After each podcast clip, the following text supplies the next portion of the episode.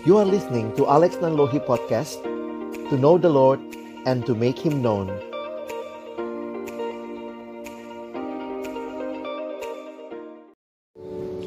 Bapa di dalam surga, pagi ini kami datang di hari perhentian yang kau berikan kepada kami. Terima kasih Tuhan. Kami hari ini boleh datang bersekutu memuji memuliakan namamu. Tiba waktunya juga bagi kami untuk membuka firman-Mu. Kami mohon ya Tuhan, bukalah juga hati kami. Jadikanlah hati kami seperti tanah yang baik. Supaya ketika benih firman Tuhan ditaburkan, itu boleh sungguh-sungguh berakar, bertumbuh, dan juga berbuah nyata di dalam kehidupan kami. Berkati setiap kami yang ada di tempat ini baik hambamu yang menyampaikan, setiap kami yang mendengarkan. Tuhan tolonglah kami semua. Agar kami bukan hanya menjadi pendengar-pendengar firman yang setia, tapi mampukan kami dengan kuasa dari rohmu yang kudus, kami dimampukan menjadi pelaku-pelaku firmanmu di dalam hidup kami, di dalam masa muda kami. Bersabdalah ya Tuhan, kami umatmu sedia mendengarnya. Dalam satu nama yang kudus, nama yang berkuasa, nama Tuhan kami Yesus Kristus. Kami menyerahkan pemberitaan firman-Mu. Amin. Silakan duduk. Shalom. Selamat pagi teman-teman. Selamat hari Minggu. Kita bersyukur hari ini boleh sama-sama beribadah di tempat ini dan kita akan membuka firman Tuhan pagi ini. Kita akan belajar tentang Paulus. Kemarin kita belajar tentang Petrus. Hari ini kita akan belajar tentang Paulus. Ada banyak hal dalam hidup Paulus yang bisa kita pelajari. Tapi waktu harus membuat kita memilih apa yang kita akan pelajari. Nah, saya ingin mengajak kita membaca di dalam kisah Rasul pasalnya yang ke-9 Kita akan lihat sebentar pertobatan Saulus yang kemudian namanya nanti berganti jadi Paulus ya. Mari kita baca kisah Rasul pasal yang ke-9. Kita membaca bergantian, silih berganti. Pria membaca ayat 1, wanita membaca ayat 2, kita membaca sampai ayat yang ke-19a. Oke? Pria wanita silih berganti hingga ayat 19a. Saya membaca judulnya, lalu rekan-rekan yang pria mari mulai membaca ya. Bacanya dengan tenang saja, kita baca bukan untuk perlombaan baca ya. Kita baca supaya bisa dimengerti. LAI memberikan judul Saulus bertobat. Sementara itu berkobar-kobar, Saulus mengancam dan membunuh murid-murid Tuhan yang menghadap imam besar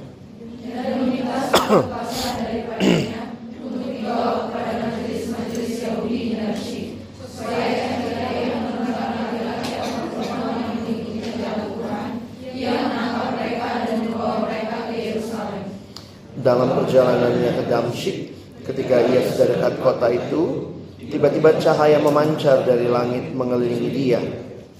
Saulus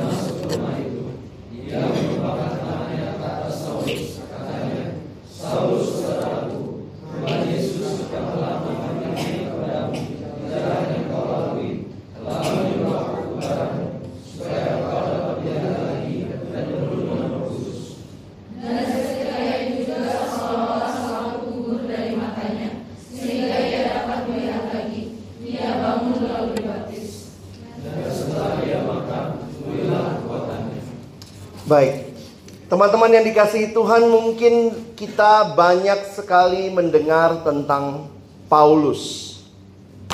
Kenapa? Kalau kita lihat sebentar kepada dunia non-Yahudi, kalau kita tahu Paulus ini menjadi pemeran utama di dalam kisah Rasul ketika dia dipilih Tuhan dan kemudian dia dipakai melayani kepada bangsa-bangsa non-Yahudi. Bahkan kalau kita lihat kisah Rasul, separuh kisah Rasul itu ceritanya tentang Paulus. Jadi kalau kita lihat bagian awal kisah Rasul fokusnya ke Petrus, bagian akhir kisah Rasul itu banyak fokus ke Paulus. Sehingga ada yang bilang ini mah bukan kisah para rasul ya, kisah Paulus dan Petrus. Ya, tapi jauh lebih utama lagi ini adalah kisahnya Roh Kudus. Karena rasul-rasulnya itu kemudian mati dan Roh Kudus terus bekerja hingga kita boleh dengar Injil juga. Nah, perhatikan juga surat-surat perjanjian baru. Itu 25% isi perjanjian baru itu tulisannya Rasul Paulus. Jadi jangan heran kita sering mendengar tentang Paulus, pengajaran yang Paulus sampaikan karena 13 dari 21 surat di perjanjian baru itu suratnya Paulus. Tapi mungkin kalau kita membayangkan luar biasa sekali orang ini. Ini kalau lihat struktur perjanjian baru ya. Ini surat suratnya Paulus nih, segini yang dia tulis. Mungkin kalian tidak pernah membayangkan siapa dia sebelumnya. Siapa Saulus sebelum dia bertobat. Di sinilah saya jadi mengerti apa yang John Stott katakan dalam sebuah buku, dia mengatakan hidup Kristen itu sebenarnya seperti sebuah novel. Sebuah novel dua volume. Volume pertama adalah mulai dari lahir, seseorang itu lahir sampai sebelum dia terima Yesus. Itu volume pertama. Itu judulnya Manusia Lama. Dan volume kedua dimulai sejak dia terima Yesus sampai nanti dia berjumpa dengan Kristus. Volume kedua judulnya manusia baru. Nah, kalau kita memahami hal seperti itu, maka ingatlah bahwa kehadiran Kristus di hidup seseorang menjadi hal penentu kehidupan. Bagi saya waktu mempelajari ini Waktu dulu ada satu buku yang saya baca, uh, bagaimana jika Yesus tidak dilahirkan. Itu uh, salah seorang penulis, Kennedy namanya, dia menulis buku itu. Jadi waktu perhatikan siapa sih Yesus ini? Hebat banget gitu ya. Kehadiran dia dalam dunia. Bayangkan kehadiran Yesus di dalam dunia membelah dunia menjadi dua bagian. Sebelum Kristus dan sesudah Kristus. BC before Christ. Sekarang orang-orang yang tidak suka dengan Kristus bilangnya BC itu before century. Tapi itu ngelesnya doang ya. Karena kita menandai dunia ini dibagi dua, before Christ dan AD. Anno Domini. Anno itu adalah tahun. Dari kata anno kita dapat kata annual. Anno Domini. Domini berarti Tuhan kita. Jadi Anno Domini adalah tahun Tuhan kita. Dunia melihat bahwa kehadiran Kristus pun membelah sejarah dunia. What's so special about this Christ? Kalian punya kakek nggak? Masih hidup? Ada yang masih hidup, ada yang sudah tidak ada ya. Kalau kalian punya kakek, kalian masih rayakan nggak ulang tahunnya kalau dia hidup? Rayakan ya. Kalau sudah meninggal masih rayakan? Enggak. Uh, ada nggak yang masih rayakan ulang tahunnya kakek punya kakek? Opung punya opung. Uh, ada nggak yang merayakan ulang tahunnya opung punya opung punya opung? Kadang-kadang saya mikir kenapa ya kita sampai sekarang masih merayakan kelahiran Kristus. Soal tanggal kita bisa perdebatkan, tapi tetap kita rayakan. What's so special about this baby? Setiap jam puluhan, ratusan bahkan bayi lahir di seluruh dunia. Setiap jam. Setelah saya khotbah satu jam, ribuan, eh, ratusan gak lahir. Khotbahnya ditambah dua jam, tambah lagi. Tapi kenapa kita masih merayakan kelahiran bayi yang lahir 2000 tahun yang lalu? What's so special about this baby? Nah ini membuat kita menyadari bahwa betul kehadiran Kristus, gospel center di dalam kehidupan kita ketika Injil itu menjadi penentu hidup kita. Di situ pun kita bisa lihat dua volume itu. Dan itu real banget dalam hidupnya Paulus. Pertama kali Paulus muncul di kisah Rasul sebenarnya bukan di kisah Rasul 9. Perhatikan sebentar pemunculan pertama Paulus di kisah Rasul adalah kisah Rasul pasal 7. Lihat sebentar. LAI memberi judul ayat 54. Ayat 54. Apa judulnya? Stefanus dibunuh dan Saulus hadir. Ketika mahkamah, ketika anggota-anggota mahkamah agama itu mendengar semuanya itu sangat tertusuk hati mereka. Apa yang mereka dengar? Khotbahnya Stefanus itu separoh atau sebagian besar pasal 7. Mereka maka mereka menyambutnya dengan gertakan gigi. Tetapi Stefanus yang penuh dengan Roh Kudus menatap ke langit lalu melihat kemuliaan Allah dan Yesus berdiri di sebelah kanan Allah. Ini satu-satunya referensi di Alkitab.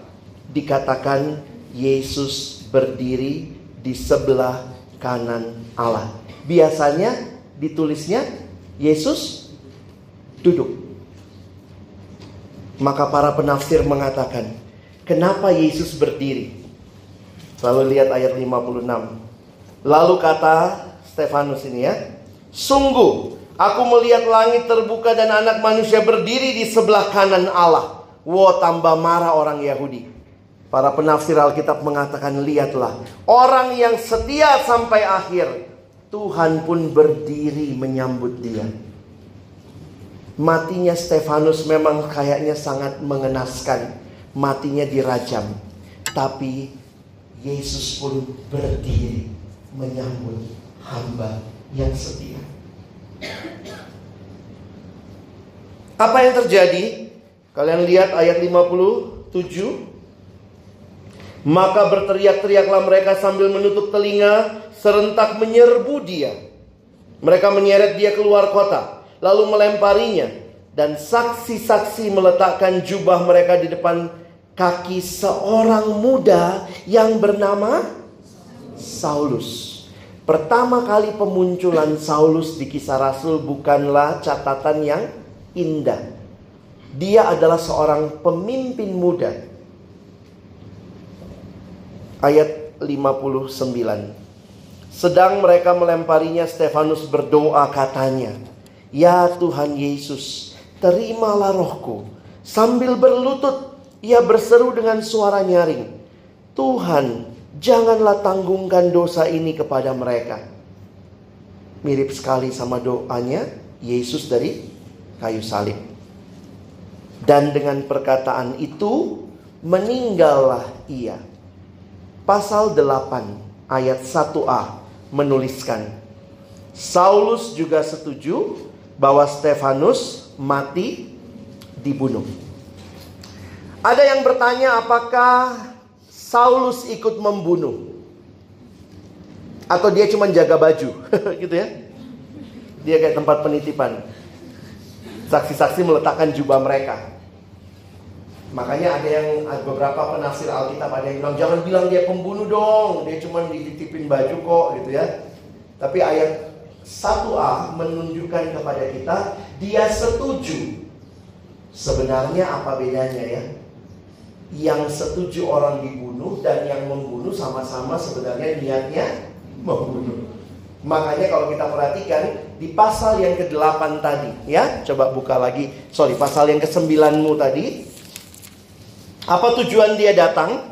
Dia bukan datang ke mana-mana untuk jalan-jalan ayat 1. Sementara itu berkobar-kobar hati Saulus untuk mengancam dan membunuh murid-murid Tuhan. Ia menghadap imam besar.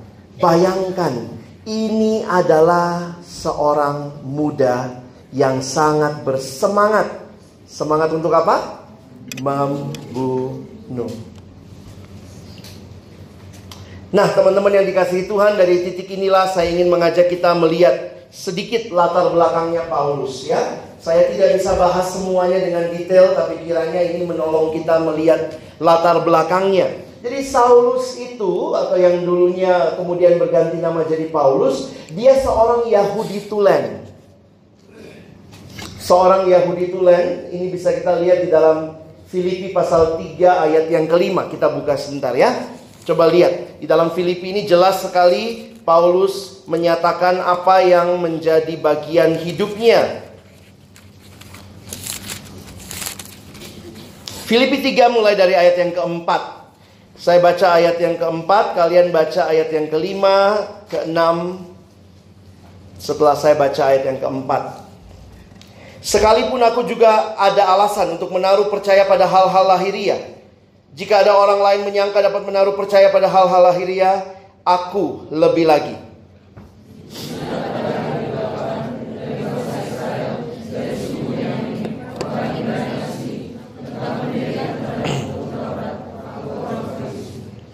Tentang kegiatan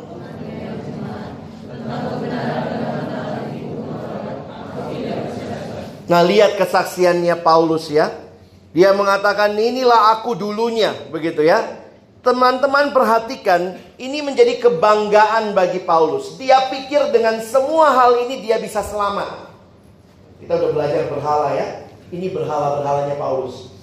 Jadi Paulus bilang dulunya saya pikir karena saya punya ini, ini, ini semua saya bisa selamat dengan kebenaranku sendiri. Wah dia Yahudi tulen saudara, walaupun dia di diaspora. Diaspora itu dia tinggalnya. Jadi anggaplah gini, kalian orang Batak misalnya ya, sorry yang Batak ya. Yang orang Batak tapi lahirnya di Bali, kira-kira begitu. Tapi bapakmu Batak, mamamu Batak. Di rumah pakai bahasa apa? Batak. kira-kira gitu ya. Nah, Paulus itu dibesarkan seperti itu. Banyak orang Batak di Medan nggak bisa bahasa Batak. Yang di perantauan kok bisa? Kadang-kadang begitu ya. Unik juga, lebih Batak dia dari kamu. Kau yang di Medan Batak Dale kau. Begitu ya. Coba lihat sebentar. Apa kebanggaannya Paulus? Lihat ayat 4, ayat 5. Dia mengatakan disunat pada hari ke-8. Itu kalau disunat pada hari ke-8 dia mau bilang apa sih? Kalau ada orang disunat hari ke-8, apakah ada anak bayi datang sunatin dong hari ke-8 gitu? Berarti siapanya yang taat?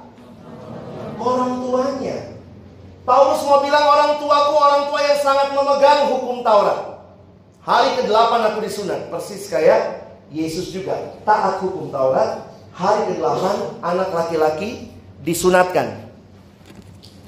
Agak beda dengan orang yang mengikuti tradisi Ismail karena Ismail disunatkan setelah dia besar. Orang Yahudi disunat waktu masih kecil. Saudara-saudara kita dari keturunan Ismail disunatkan waktu dia besar mengikuti teladan Ismail. Nah, perhatikan apalagi dia mengatakan. Lalu dia dikatakan disunat pada 8 dari bangsa Israel ini tulen dari suku Benyamin. Oh bangga loh orang jadi suku Benyamin. Memang dua suku yang ada di selatan yang lebih murni adalah suku Yehuda dan Benyamin. Dan kalau kalian ingat raja pertama Israel dari suku Benyamin namanya Saul. Namanya Saul turun sampai turunannya sampai ini cucunya pakai nama opungnya. Siapa namanya? Saul. Saulus, Saulos. Jadi itu menggambarkan sangat ini ya, look up. Dari suku Benyamin, aku nih suku yang lebih murni. Apalagi orang Ibrani asli. Jadi kalian mesti mengerti ya, orang Yahudi itu adalah bangsa Israel berbahasa Ibrani. Itu sama. Jadi kalau kalian ketemu tiga istilah itu orang Yahudi, bangsa Israel, bahasa Ibrani. Ini yang saya bilang tadi. Meskipun Paulus lahirnya bukan di Palestina, Tapi di keluarganya dia berbahasa Ibrani. Tentu di sekolah dia belajar bahasa lain. Makanya kalau kalian lihat Paulus ini nampaknya sangat pintar. Ya, dia ahli hukum, sarjana hukum kali ya. Sarjana hukum Taurat kan? Farisi kan? Kamu sarjana hukum tata negara Indonesia, kalah dikit sama Paulus ya. Oke, lihat lagi. Apa ini? Tentang pendirian terhadap hukum Taurat, aku orang Farisi. Farisi adalah salah satu sekte Yahudi atau aliran agama Yahudi yang sangat teliti dengan hukum Taurat. Jadi luar biasa. Lalu kemudian dia katakan tentang kegiatan, aku penganiaya jemaat. Tentang kebenaran dalam mentaati hukum Taurat, aku tidak bercacat. Jadi kalau lihat semua CV-nya Paulus, kita lihat CV-nya itu ya, tambah tambah tambah, harusnya dia selamat dong. Dia asli banget murni, bahkan sangat berkobar-kobar untuk Tuhan. Walaupun yang dia berkobar-kobar untuk membunuh murid Tuhan. Tapi kemudian Paulus bilang, semua itu bukanlah yang memberikan aku keselamatan. Coba lihat ayat ayat 7. Kita baca sama-sama 7 dan 8 ya. Satu, dua, ya. Tetapi apa yang dahulu merupakan keuntungan bagiku, sekarang kuanggap rugi karena Kristus. Malahan segala sesuatu kuanggap rugi karena pengenalan akan Kristus Yesus Tuhanku lebih mulia daripada semuanya. Oleh karena dialah aku telah melepaskan semuanya itu dan menganggapnya sampah supaya aku memperoleh Wow. Ini kalau Paulus bikin apa neraca balance gitu ya. Yang satu semua CV-nya yang tadi. Begitu dia taruh Kristus di sisi yang lain, langsung ini jadi nggak ada apa-apanya. Luar biasa. Teman-teman ada kata yang menarik sebenarnya. Memang agak agak jorok kita dengar pagi-pagi begini ya. Perhatikan ayat 8. Sebenarnya kata aslinya dan telah melepaskan semuanya itu dan menganggapnya sampah. Bahasa aslinya itu adalah skubala. Bukan skubidu ya. itu bahasa Yunania skubala. Dan skubala ini sebenarnya biasa dipakai untuk menggambarkan sampah bekas hasil pencernaan manusia. Sampahnya pencernaanmu. Namanya apa? Bahasa sehari-hari? Tai. Aduh, saya waktu baca begini, jadi Paulus mau bilang begini, yang dulu aku anggap mulia ternyata cuma tai. Kalau ngomong tai pada suka nih. Jorok ya. Tapi saudara sadar atau tidak? Kalau bukan Kristus yang kamu andalkan, semua berhala itu yang kamu andalkan, jangan-jangan banyak orang sedang mengandalkan tai. Jujur kadang-kadang saya lihat alumni ya. Beberapa kali ketemu alumni-alumni, saya pikir bersyukur alumni yang masih setia melayani. Tapi jangan-jangan juga banyak orang jadi alumni sudah mulai membanggakan tai. Sorry to say, Yesus bilang apa? Untuk apa seorang memperoleh seluruh dunia ini, tapi dia kehilangan nyawanya? Kita sih maunya dapat dua-duanya ya, dapat seluruh dunia, dapat Yesus juga asik gitu ya. Tapi sering kali hidup tidak seindah itu. Tuhan bilang mau ikut aku, sangkal diri, pikul salib. Yesusnya lewat jalan salib kok. Kenapa kita jadi orang Kristen yang sering kali mau itulah ya generasi ini generasi yang manja. Pengennya sesuatu yang empang ya, enak dan Gampang, maunya begitu. Sampai ikut Yesus pun maunya empang. Padahal ingat loh, Yesus bukan lewat jalan tol, dia lewat jalan salib. Jalan tol, jalan bebas hambatan. Jalan salib, penuh dengan penderitaan. Siap nggak kita ikut dia? Kadang-kadang waktu saya renungkan ini ya, Paulus bisa begitu rupa. Yang begitu dia banggakan dulu, aku Yahudi tulen. Kalau bicara selamat, harusnya aku selamat. Semua kreditku itu, itu aku, orang tuaku, semuanya aku. Tapi kemudian waktu dia lihat Kristus, bukan apa yang aku lakukan, tapi apa yang Kristus lakukan. Itulah Injil. Makanya dia teruskan. Saya harap kalian bisa ngerti ya. Dia berpikir kebenarannya menyelamatkan dia. Tidak, itu cara dunia. Dunia berpikir kebenaran mereka, amal mereka, heritage mereka menyelamatkan mereka. Itu namanya kebenaran sendiri. Tapi Paulus menyadari bukan apa yang aku lakukan, tapi apa yang Kristus lakukan. Berarti aku selamat karena kebenarannya siapa? Kristus. Dosen saya dulu atau uh, ibu rohani saya ya, pendeta Dorothy Marx pernah memberikan ilustrasi begini.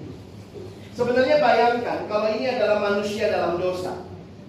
Maka bayangkan waktu manusia dalam dosa, ingatlah Allah tidak bisa berkompromi dengan dosa. Maka ketika Allah melihat kita, tidak ada lain, tidak ada bukan selain dosa harus dihukum. Upah dosa adalah maut. Mungkinkah manusia yang berdosa datang kepada Allah? Nggak mungkin.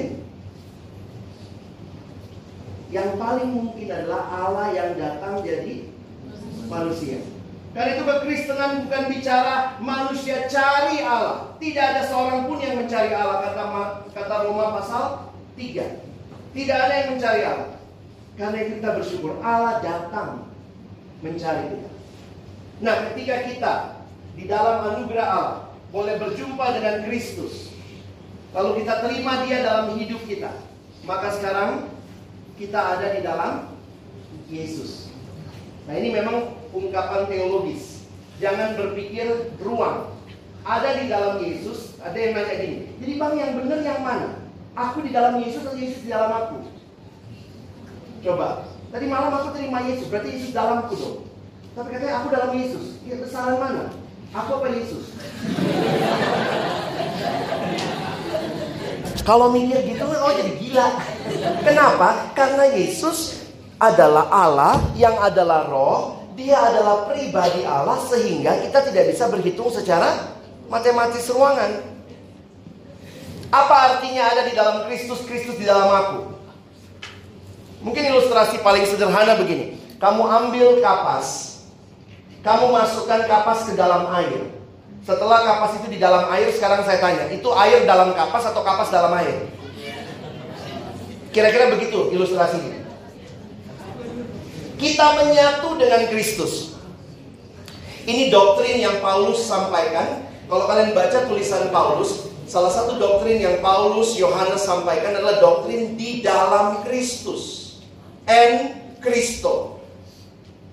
Jadi kalau saya perhatikan ada kurang lebih 164 kali Paulus menggunakan istilah di dalam Kristus, di dalam Dia. Jadi itu adalah gambaran kesatuan rohani. Itu yang digambarkan tadi ya. Jadi saya yang berdosa, saya terima Yesus, sekarang saya ada di dalam Dia.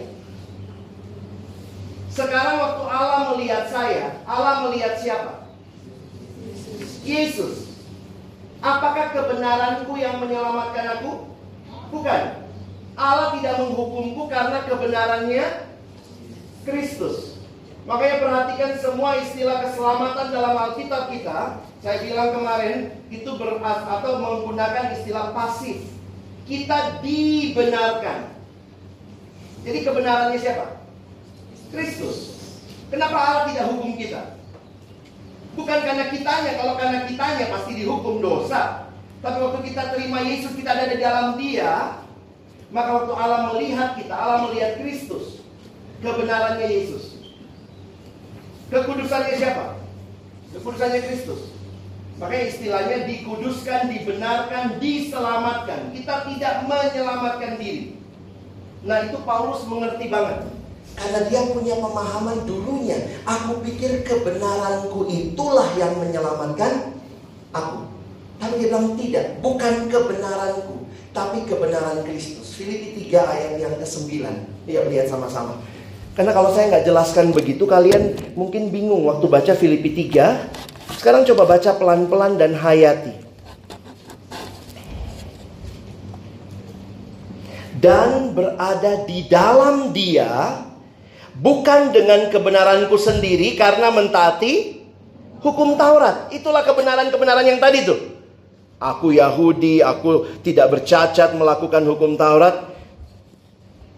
Melainkan dengan kebenaran karena kepercayaan kepada Kristus. Percaya pada Kristus namanya iman.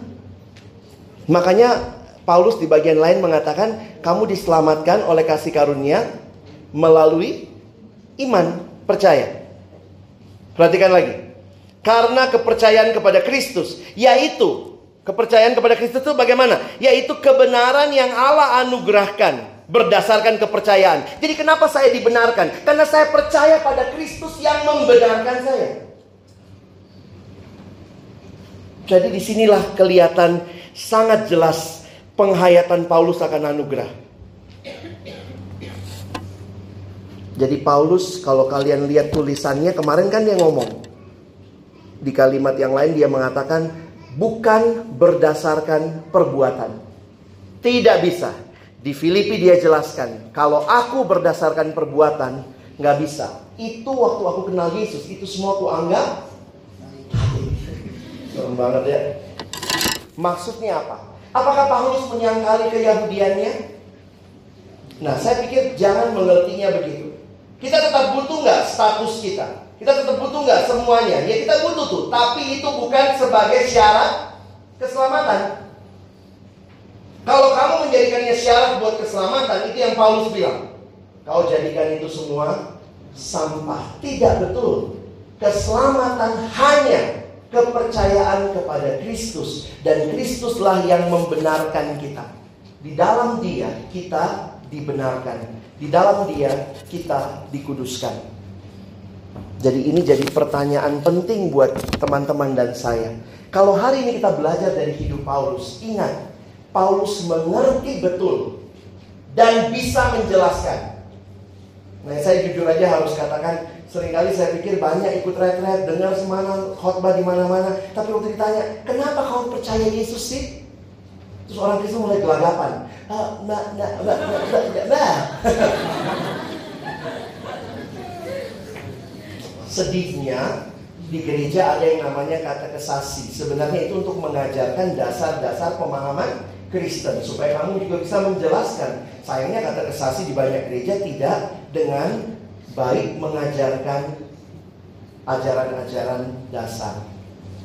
Jadi saya pikir ini sangat mendasar sih ya. Saya bersyukur ada tema seperti ini, Gospel Center. Kenapa Kristen tanpa Injil nggak ada Kristen? Tapi karena ada Injil, maka ada kekristenan. Dan kekristenan membedakan. Injil membedakan dengan semua yang lain. Makanya kalau kita perhatikan Paulus ini, dia sangat tulen Yahudinya, tapi dia menyadari anugerah Allah yang dia alami. Dia lahirnya di Tarsus, ini daerah di Silisia, dekat sekarang di Turki, dekat perbatasan dengan Syria. Jadi ingat ya, agak jauh dari Yerusalem. Pendidikannya dia sempat sekolah ke Yerusalem, mungkin dikirim mamanya ya, pergi ke sekolah. Biar nggak lupa akar kita, belajar bahasa Batak. ya, dikirim sekolah di Yerusalem. Dia jadi kelompok Farisi, berarti sangat teliti dengan hukum Taurat, di bawah asuhan guru Gamaliel. Ini Gamaliel gurunya Paulus. Nah, Gamaliel ini salah satu pemimpin besar pada waktu itu, ya sikapnya terhadap Kristen menganiaya. Nah inilah Saulus yang kita kenal. Perhatikan pertobatannya. Kita sudah baca tadi ya. Jadi kalau kita lihat kalimat ini menarik ya. Saulus, Saulus di Alkitab kalau Tuhan sudah ngomong dua kali hati-hati kau. Waktu Tuhan ngomong sama Marta juga masih ingat ya? Waktu Marta ngelapor sama Yesus. Tuhan masa aku sendiri saudaraku kau biarkan duduk di situ maksudnya kok saudaraku membiarkan aku melayani seorang diri itu Yesus ngomong apa? Marta, Marta. Kira-kira gitu kan ya? Eh gimana dong? Coba ekspresikan. Masa Marta, Marta? Ini kan kutipan langsung, ayolah. Kalian kan imajinasi sedikit. Pasti Yesus ngomongnya Marta, Marta. Please deh. Coba ini ngomongnya gimana? Saulus Saulus. Jangan lupa loh kan dua kali. Jangan kau pikir kok dua kali. Biar kalau jatuh satu masih Saulus gitu. Jadi saya waktu membayangkan Tuhan ngomong gitu ya sama dia ya. Saulus, Saulus, mengapa engkau menganiaya aku? Saya mau tanya, bagian mana tubuh Yesus yang dianiaya Saulus? Ada ada Yesus secara fisik di situ? Apa sih tusuk-tusuk? apa sih gitu ya? Lihat nggak? Ini ini teologis banget penderitaan yang dialami umat Allah karena nama Tuhan itu adalah penderitaannya Yesus sendiri. He suffered with us. Karena itu ingat, Paulus menganiaya gereja, tapi Tuhan pemilik gereja berkata, yang kau aniaya itu sebenarnya aku. Gereja kalau alami aniaya jangan terlalu beringas belajar menerapkan. Kita tentu memperjuangkan keadilan ya. Kadang-kadang di Indonesia bangun gereja masih susah. Di beberapa daerah orang orang Kristen ditindas. Tapi ingatlah terus, ketika kita pun sudah menempuh semua jalur tidak bisa juga, maka ingatlah bahwa Tuhan bersama dengan kita. Hilang dia. Ke mana dia? Saulus, Saulus. Oh dari dari awal ya. Oke, ini ya. Saulus, Saulus, mengapakah engkau menganiaya aku? Ya wajar juga dia nanya, siapakah engkau Tuhan? Katanya, akulah Yesus yang kau aniaya itu. Saulus menganiaya jemaat Tuhan. Tetapi yang mengalami aniaya itu Tuhan pemilik jemaat itu mengatakan akulah yang kau aniaya itu. Tapi bangunlah dan pergilah ke dalam kota di sana akan dikatakan kepadamu apa yang harus kau perbuat. Lalu dikatakan dia tiga hari matanya buta. Teman-teman saya bisa bayangkan ya, dia pergi ke Damsyik untuk menganiaya orang Kristen. Tiba-tiba buta lalu jadi Kristen. Bayangkan itu ya. Saya cukup, cukup bisa membayangkan. Ya takutlah si Ananias. Tuhan aku dengar banyak tentang dia. Dia datang ke sini buat bunuh kami, terus Tuhan suruh ke sana. Halo, buk gitu ya. Wah itu bagi saya jadi Ananias nggak gampang. Kapan-kapan kita eksposisi Ananias ya. Ananias disuruh Tuhan melakukan sesuatu yang dia tahu resikonya serem. Tapi Tuhan berkarya, begitu ya. Sehingga bagi saya luar biasa. Akhirnya Saulus berjumpa dengan Tuhan melalui Ananias dan Tuhan membawa dia dalam hidup yang mengenal Tuhan. Setiap kita punya masa lalu dan mungkin masa lalumu tidak sebaik ya pasti sih ya uh, saya yakin sih nggak ada yang masa lalunya seburuk Paulus ada bang aku juga dulu pembunuh gitu ya saya kemarin pakai pak pisau loh bunuh-bunuh Kristen di kampus gitu ya. Ini red-rednya udah Paulus semua ini. Tapi saya coba menghayati begini. Kalau Paulus yang masa lalunya begitu kelam Tuhan bisa pakai. Maka engkau dan saya yang masa lalunya, kita pasti punya masa lalu ya. Tapi Tuhan tidak hanya melihat masa lalu, Tuhan mau kau berdamai dengan masa lalumu. Percaya dia sungguh-sungguh dan layani dia ke depan. Jangan berhenti di masa lalu. Ke belakang itu nggak bisa diubah. Makanya jangan terlalu sibuk dengan masa lalu. Di dalam Alkitab, masa lalu itu menjadi pelajaran buat kita. Berdamai dengan masa lalu. Kalau di situ kau pernah menyakiti sesama, menyakiti orang atau apa pun, berdamailah tapi kemudian kamu harus mulai hidup yang baru. Seringkali memang sulit ya. Kita itu terlalu egois. Manusia di dalam tabiat berdosa. Jadi walaupun kita sudah diselamatkan teman-teman, tapi kan apa ya kita udah terkontaminasi dosa nah itu membersihkannya itu butuh waktu. Jadi seorang anak ketemu saya di retret, Kak Alex boleh ngobrol nggak? Oh iya silakan terus kita ngobrol gitu. Terus dia cerita, Kak ini anak SMA ya. Saya lagi berantem sama mama. Oh gitu. Berantemnya apa? Ya gitulah. Mama begini, begini, begini. Jadi apa yang kau lakukan? Saya udah dua minggu nggak ngomongan sama mama. Hah? Dua minggu. Tinggal serumah. Iya. Di rumah gimana? Ya begitulah. Kalau mama lewat sana, saya sini.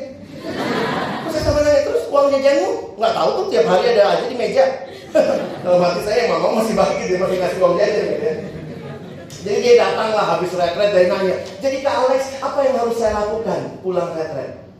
Saya bilang saya pulang, minta maaf sama mama. Tapi bang, mama saya itu begini, begini, begini, begini, begini, begini. Tapi kalau begini nanti gimana kak? Jadi saya mesti ngapain kak? Pulang, minta maaf sama mama. Tapi kak, kan mama yang salah duluan kalau dia begini, begini, begini. Jadi gimana kak? Pulang. Saya ini kuda atau apa gitu? Pulang, minta maaf sama mama. Apa susahnya sih gitu kali ya? Terus terakhir lagi, saya bilang, ya pulanglah minta maaf sama mama. Tapi mama gue cerewet kali ini dalam hati pantas lu juga cerewetnya sama. Kau tuding orang tua mulut cerewet nih. Ini tiga lagi nuding di sini. Jadi kadang saya pikir Gimana kita membereskan masa lalu? Mungkin mulai dengan memaafkan, mengampuni. Itu nggak gampang memang untuk beberapa orang. Mungkin ada yang datang retret ini tapi relasi sama orang tua lagi nggak baik, lagi marah, lagi nggak mau ngomong. Sayang sih sayang, tapi lagi, uh, biar dia rasa. Kita suka gitu ya. Kalau saya nggak ngomong sama dia, biar dia yang rasa. Padahal sebenarnya kau yang nggak bisa tidur. Dia tidurnya nyak, kau nggak bisa tidur. Goblok kan? Memang dosa itu bikin kita goblok.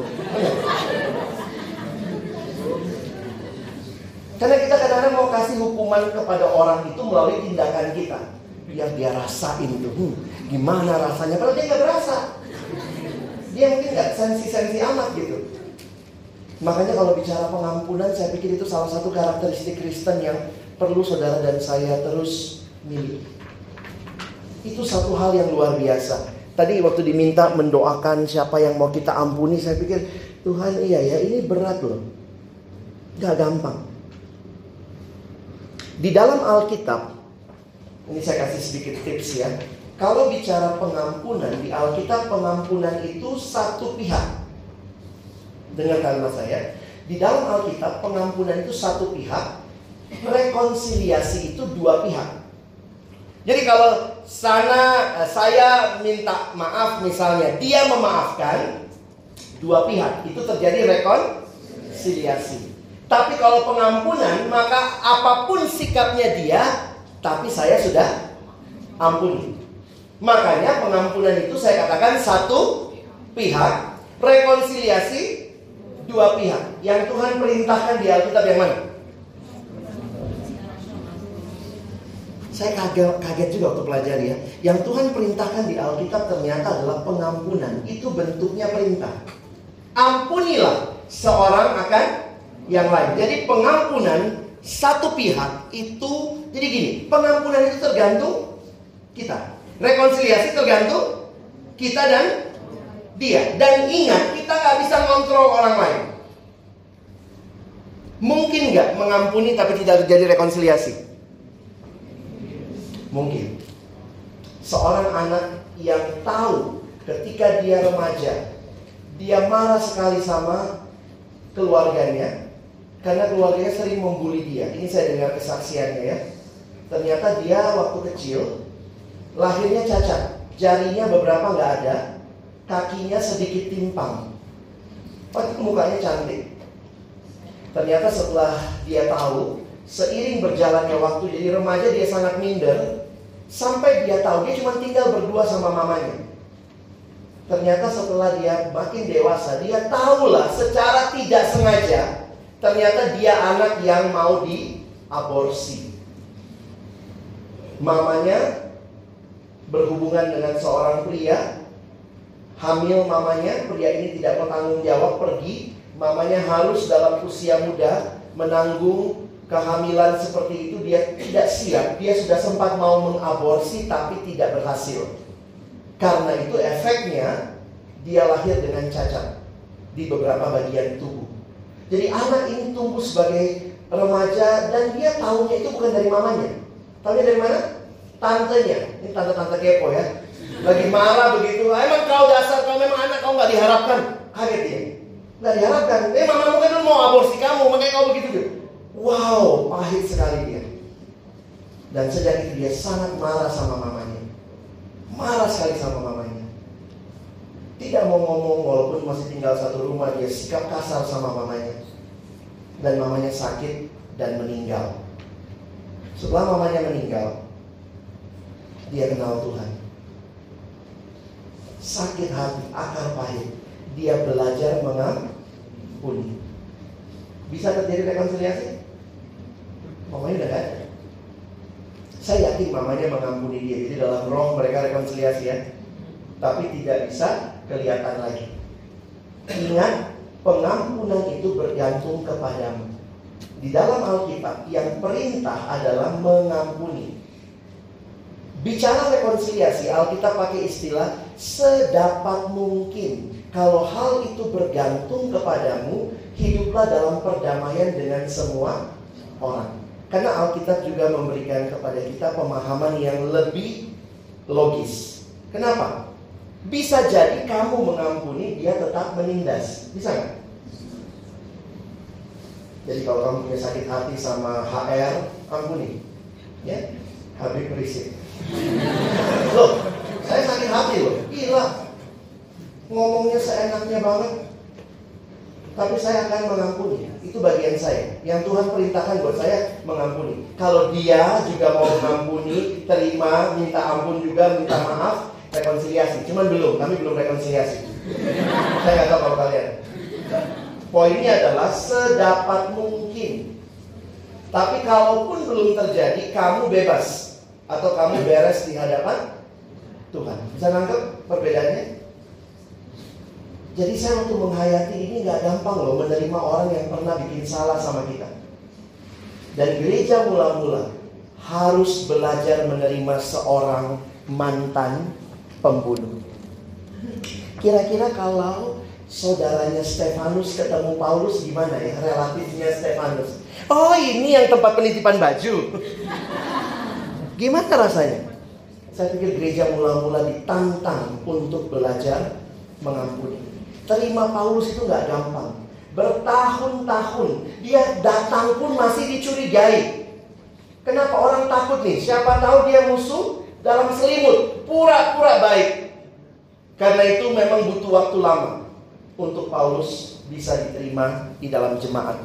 Tapi saya melihat luar biasa Tuhan memberikan perubahan itu buat Paulus. Nah, perhatikan pasal 26 di dalam percakapan dengan Raja Agripa, Paulus juga mengulang lagi. Ini yang menarik ya. Kitab Kisah Rasul ada dua kali Paulus mengulang kisah pertobatannya. Pertama di dalam kisah 9, ini yang tadi. Lalu yang kedua ada di kisah 26. Nah coba lihat lagi sedikit di kisah 26 ya. Ayo kita baca sama-sama. Semoga masih kelihatan ya. Ayat 16 sampai 18. Pria 16 Wanita 17, kita sama-sama 18 ya. Pria mulai 1 2, ya. Aku menampakkan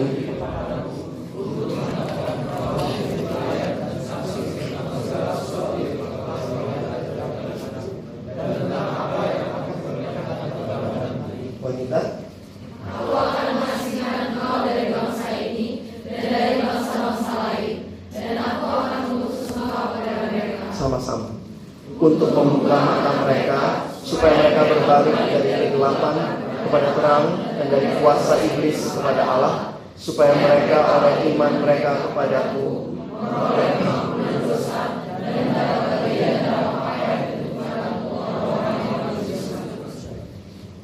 Perhatikan sebentar kita buka kisah Rasul 26 di Alkitab kita ya. Saya mau menunjukkan kepada kalian keindahan panggilan Tuhan bagi Paulus di dalam Kisah Rasul 26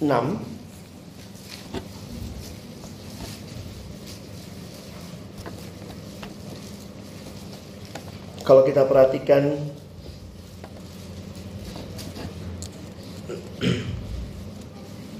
ayat 19.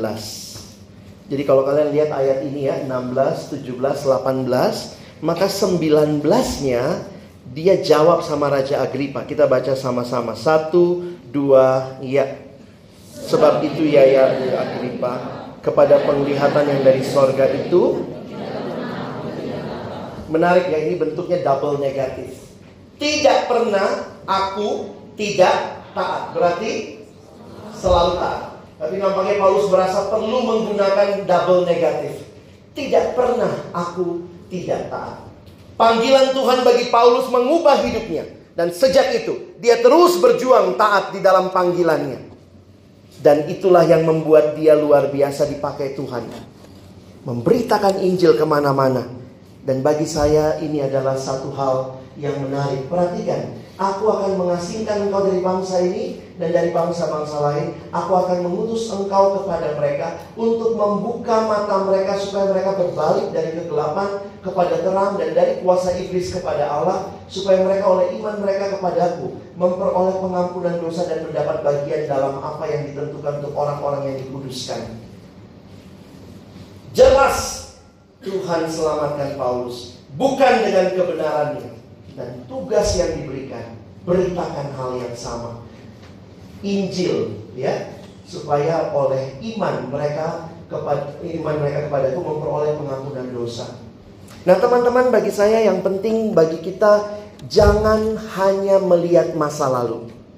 Tapi lihatlah status barumu di dalam Kristus dan mari melangkah ke depan untuk taat panggilan Tuhan.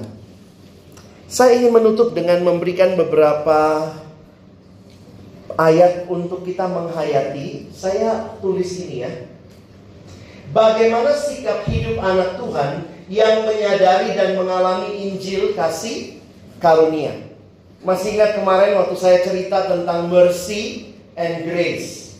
Mungkin buat kamu, wow, kok bisa gitu ya? Gak logis banget ceritanya. Tapi itu ada buktinya di dalam dunia. Kita yang melawan Allah bukan hanya tidak dihukum that is mercy, tapi kita diangkat jadi anak that is grace. Nah, waktu kamu menyadari itu terus-menerus, kira-kira kesadaranmu akan menjadi seperti apa? Saya coba lihat timeline Paulus ya. Saya akan angkat tiga, tiga kitab. Kalian tolong perhatikan. Pertama kitab Korintus, yang kedua kitab Efesus, yang ketiga kitab 1 Timotius. Perhatikan tiga kitab ini ya. Pertama apa? Korintus, yang kedua Efesus, yang ketiga 1 Timotius. Perhatikan sebentar ini timeline hidupnya. Paulus bertobat kira-kira tahun berapa? Ayo. Atau gini deh pertanyaan anak sekolah minggu. Paulus bertobatnya sesudah Yesus naik ke surga atau sebelum Yesus naik ke surga? Sesudah. Ya, yakin ya? Sebelum? Sebelum sesudah? Yesus naik ke surga kisah Rasul 1. Paulus bertobat tadi kisah Rasul 9. Nah kira-kira Yesus naik ke surga tahun berapa? Hmm, ini hitung-hitungan anak minggu lah. Kajiannya juga Yesus umurnya sampai berapa? kita bilangnya 33. Memang ada ada perbedaan perhitungan tahun. Kita ambil aja Yesus lahirnya tahun 0 lah ya. 0 berarti dia lahir, dia hidup sampai umur 33. Umur 30 dia dicatat mulai melayani, dia pelayanan selama 3 tahun. Waktu Yesus naik ke surga, umur berapa dia? Berarti 33 kan? Jadi Paulus bertobatnya sesudah tahun 33 atau sebelum? Orang bodoh juga tahu ya. Jadi kira-kira tahun berapa Paulus bertobat? Hmm, sel sel Paulus bertobat pasti sesudah tahun 33 ya. Kisah Rasul 1 tahun 33, Kisah Rasul 9 tahun tambah sendiri tiap tiap pasal satu tahun gitu ya. 39 bang, bukan lah ya. Para ahli memperkirakan Paulus bertobat kira-kira tahun 35. Ya. Nah, ini ini uh, dia lahir kira-kira abad pertama tahun 5. Paulus lahir, dia bertobat tahun 35. Berarti dia bertobat kira-kira umur 30. Kenapa dibilang muda? Pada masa itu pemimpin-pemimpin usianya 40 tahun ke atas. Karena itu Timotius walaupun usianya sudah 30 di dalam satu Timotius dikatakan jangan seorang pun menganggap engkau muda karena waktu itu yang memimpin umur 40-an Yesus pun masih termasuk pemimpin muda yang leader. Paulus juga pemimpin muda dan sudah memimpin pembunuhan. Hebat ya? uh, pemimpin muda, tempat penitipan baju dan pembunuh. Wah, gitu ya. Nah, perhatikan nih ya, lalu dalam sejarah, ini kalau kalian mau uh, cerita, memang ada waktu yang tidak diketahui, tapi diperkirakan Paulus itu karena memang sulit diterima waktu itu, dia sempat mengasingkan diri ke Arab. Jadi Paulus kalau menurut Galatia 1 Kira-kira selama tiga tahun setelah bertobat Dia pergi ke Arab. Itu menurut Galatia 1 Sesudah 38 dia balik Dia pergi ke Yerusalem. Apa tujuannya? Sebenarnya nanti kalau kalian baca kitab Galatia ketahuan. Tujuannya supaya Paulus mau cek Apakah yang dia mengerti Sama-sama yang dimengerti oleh para Rasul Kenapa? Para rasul tinggalnya di mana waktu itu? Yerusalem. Dan waktu dia ketemu rasul, ternyata sama ajarannya. Ingat ya, rasul ketemu Yesus langsung, Paulus tidak. Tapi dia berjumpa dengan Kristus dalam penglihatan. Dan kemudian ada yang mengatakan selama tiga tahun Paulus di Arab, nampaknya dia merenungkan ulang semua perjanjian lama dalam perspektif Injil. Nah, maksudnya? Jadi Injil itu akan menolong kita mengerti semua perjanjian lama dan dia sampai kepada kesimpulan semua itu kalau dijadikan dasar keselamatan itu hai. Karena keselamatan itu hanya karena iman pada Yesus.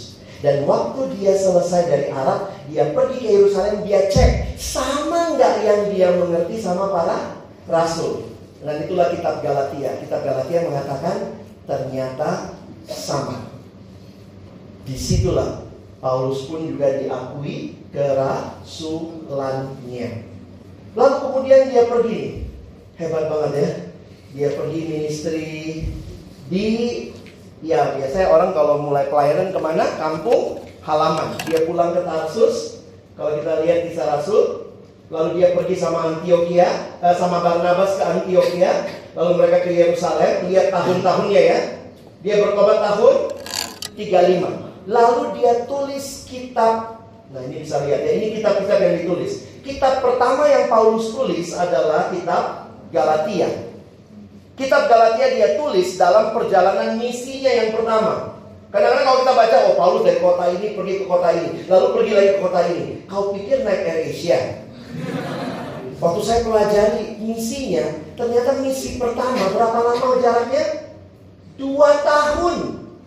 Di Alkitab kita cuma dua pasal. Tapi itu ternyata Paulus dari kota ini ke kota ini terus ini selama dua tahun. Makanya perjalanan misi pertama dua tahun 50 sampai 52. Nah, di sini dia tulis kitab 1 dan 2 Tesalonika.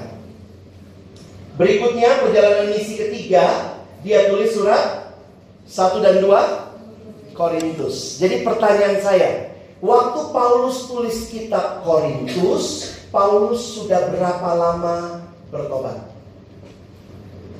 Tadi dia lahirnya eh lahir. Bertobatnya tahun 35. Berarti dia di sini satu Korintus anggaplah tahun 52 nya yang kita ambil.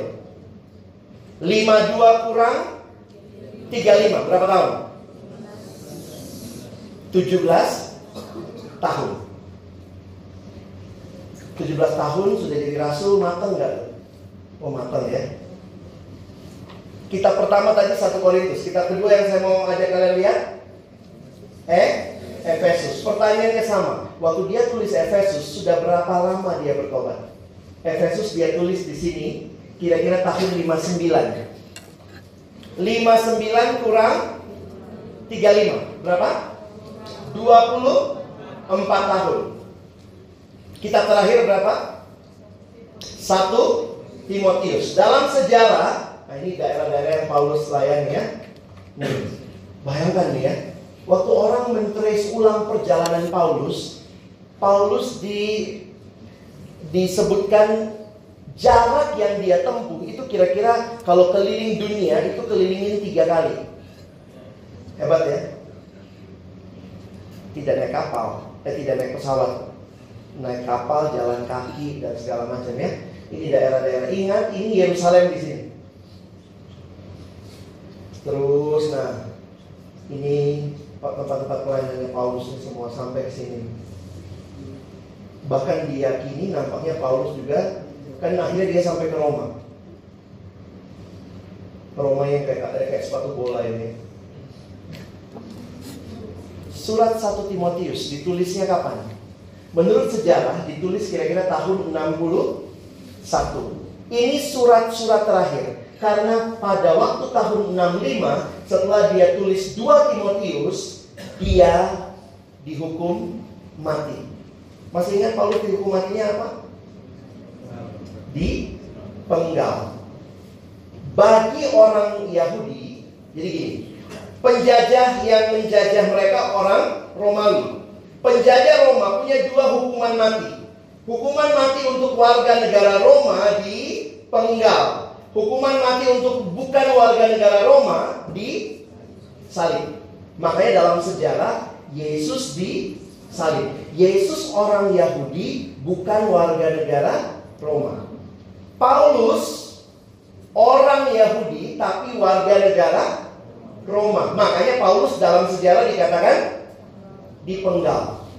Petrus orang Yahudi bukan warga negara Roma. Makanya dalam sejarah Petrus di terbalik. Sejarah mencatat waktu Petrus disalib, dia berkata, terlalu mulia bagiku, disalib seperti Tuhanku. Salibkan aku terbalik. Sejarah mencatat Petrus matinya disalib terbalik. Kitab terakhir 2 Timotius 1 Timotius ditulis antara tahun 61 sampai 65. Kalau kita ambil 61 kurang 35 berapa tahun? 26. Jadi saya ulang ya. Waktu Paulus tulis 1 Korintus sudah berapa tahun bertobat? 17. Tulis Efesus sudah berapa tahun bertobat? 24. Yang terakhir 26. Sekarang lihat pengakuan dia. Bagi saya ini pengakuan kalau kita lihat tahunnya akan lebih menarik. Kita lihat satu Korintus, dia bilang begini ya. Yuk kita baca sama-sama. Satu, dua ya. Karena aku adalah yang paling hina dari semua rasul, bahkan tidak layak disebut rasul, sebab aku dalam satu bagian 1 Korintus 15 ayat 9 Paulus menyadari Aku ini paling hina dari semua rasul. Ini setelah melayani 17 tahun. Setelah melayani 24 tahun, kira-kira gimana responnya? Lihat kalimatnya. Efesus 3 ayat 7 dan 8. Kita baca. Satu dua ayat. Dari Injil itu aku telah menjadi pelayannya menurut pemberian kasih karunia Allah yang dianugerahkan kepadaku sesuai dengan pengerjaan kuasanya kepadaku yang paling hina di antara segala orang kudus telah dianugerahkan kasih karunia ini untuk memberitakan kepada orang-orang bukan Yahudi kekayaan Kristus yang tidak tadi paling hina dari semua rasul. Makin lama melayani sekarang dia paling hina dari semua orang kudus. Orang kudus itu berarti orang Kristen. Saya berpikir ya, kalau kita melayani lebih lama, kita lebih sombong atau lebih rendah hati? Kalau Injil betul membuat kamu sadar, makin kamu renungkan Injil itu, makin wow hidupmu. Wow. Kadang-kadang kita yang melayani, sorry itu saya, kita yang melayani di mimbar, bisa khotbah, bisa main musik. Kadang-kadang kita merasa, wow, saya diselamatkan Tuhan karena Tuhan tahu talentaku. Hmm? Makin lama Paulus pelayanan, bukan makin sombong awalnya tadi ya, aku paling hina dari semua rasul. Itu aja udah hina ya. Hina, tapi di antara rasul. Oh, tentu masih agak tinggi ya. Makin lama melayani, aku paling hina di segala orang kudus. Kira-kira apa kalimatnya ketika dia sudah melayani 26 tahun? Kita baca ya, satu dua ya. Perkataan ini benar dan patut diterima sepenuhnya. Kristus Yesus datang ke dunia untuk menyelamatkan orang berdosa. Dan di antara mereka aku yang paling berdosa. Tetapi justru karena itu aku dikasihani. Agar dalam diriku ini sebagai orang yang paling berdosa. Yesus Kristus menunjukkan seluruh kesadarannya. Dengan demikian aku menjadi contoh bagi mereka yang kemudian percaya kepadanya. Dan mendapat hidup yang makin lama melayani. Dia sadar, aku yang paling berdosa dari semua orang berdosa. Ini bukan pengagungan diri, tapi ini kesadaran betapa Injil itulah yang menyelamatkan aku. Kalau tidak ada contoh Paulus, mungkin ada yang bilang, aduh kak, saya sudah sangat berdosa, Tuhan tidak mungkin terima saya. Kau tidak lebih dari Paulus. Paulus jadi teladan, jadi contoh bagi semua yang bisa datang kepada Tuhan. Tidak ada masa lalu yang terlalu kelam untuk Tuhan ubah jadi masa depan yang sangat indah bagi kerajaannya. Makin lama kamu melayani, saya nggak tahu kalian sudah berapa lama pelayanan, sudah berapa lama kenal Tuhan sungguh-sungguh. Jangan makin sombong, tapi makin rendah hati, makin sadar.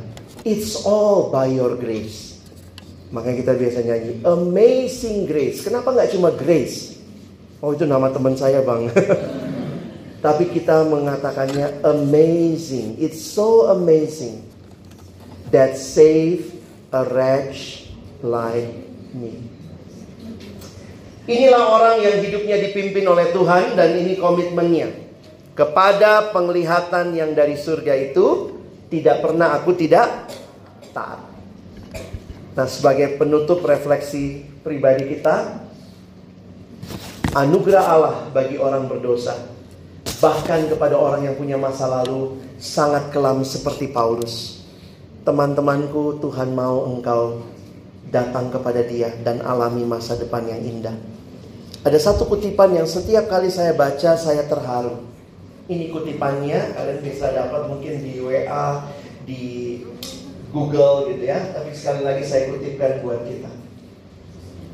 Every saint has a past. Setiap orang Kristen, setiap orang yang sekarang adalah orang kudus, pasti punya masa lalu. And every sinner has a future. Dan setiap orang berdosa yang mau sungguh-sungguh datang kepada Tuhan, alami anugerah itu. You have a future. Every saint has a past. Every sinner has a future.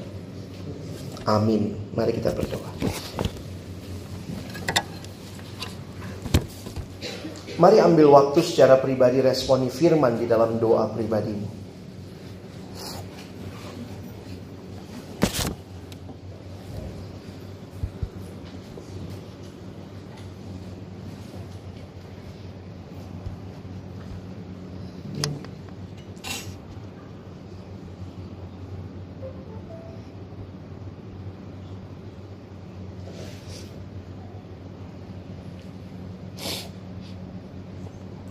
Tuhan kau pakai Paulus di generasinya.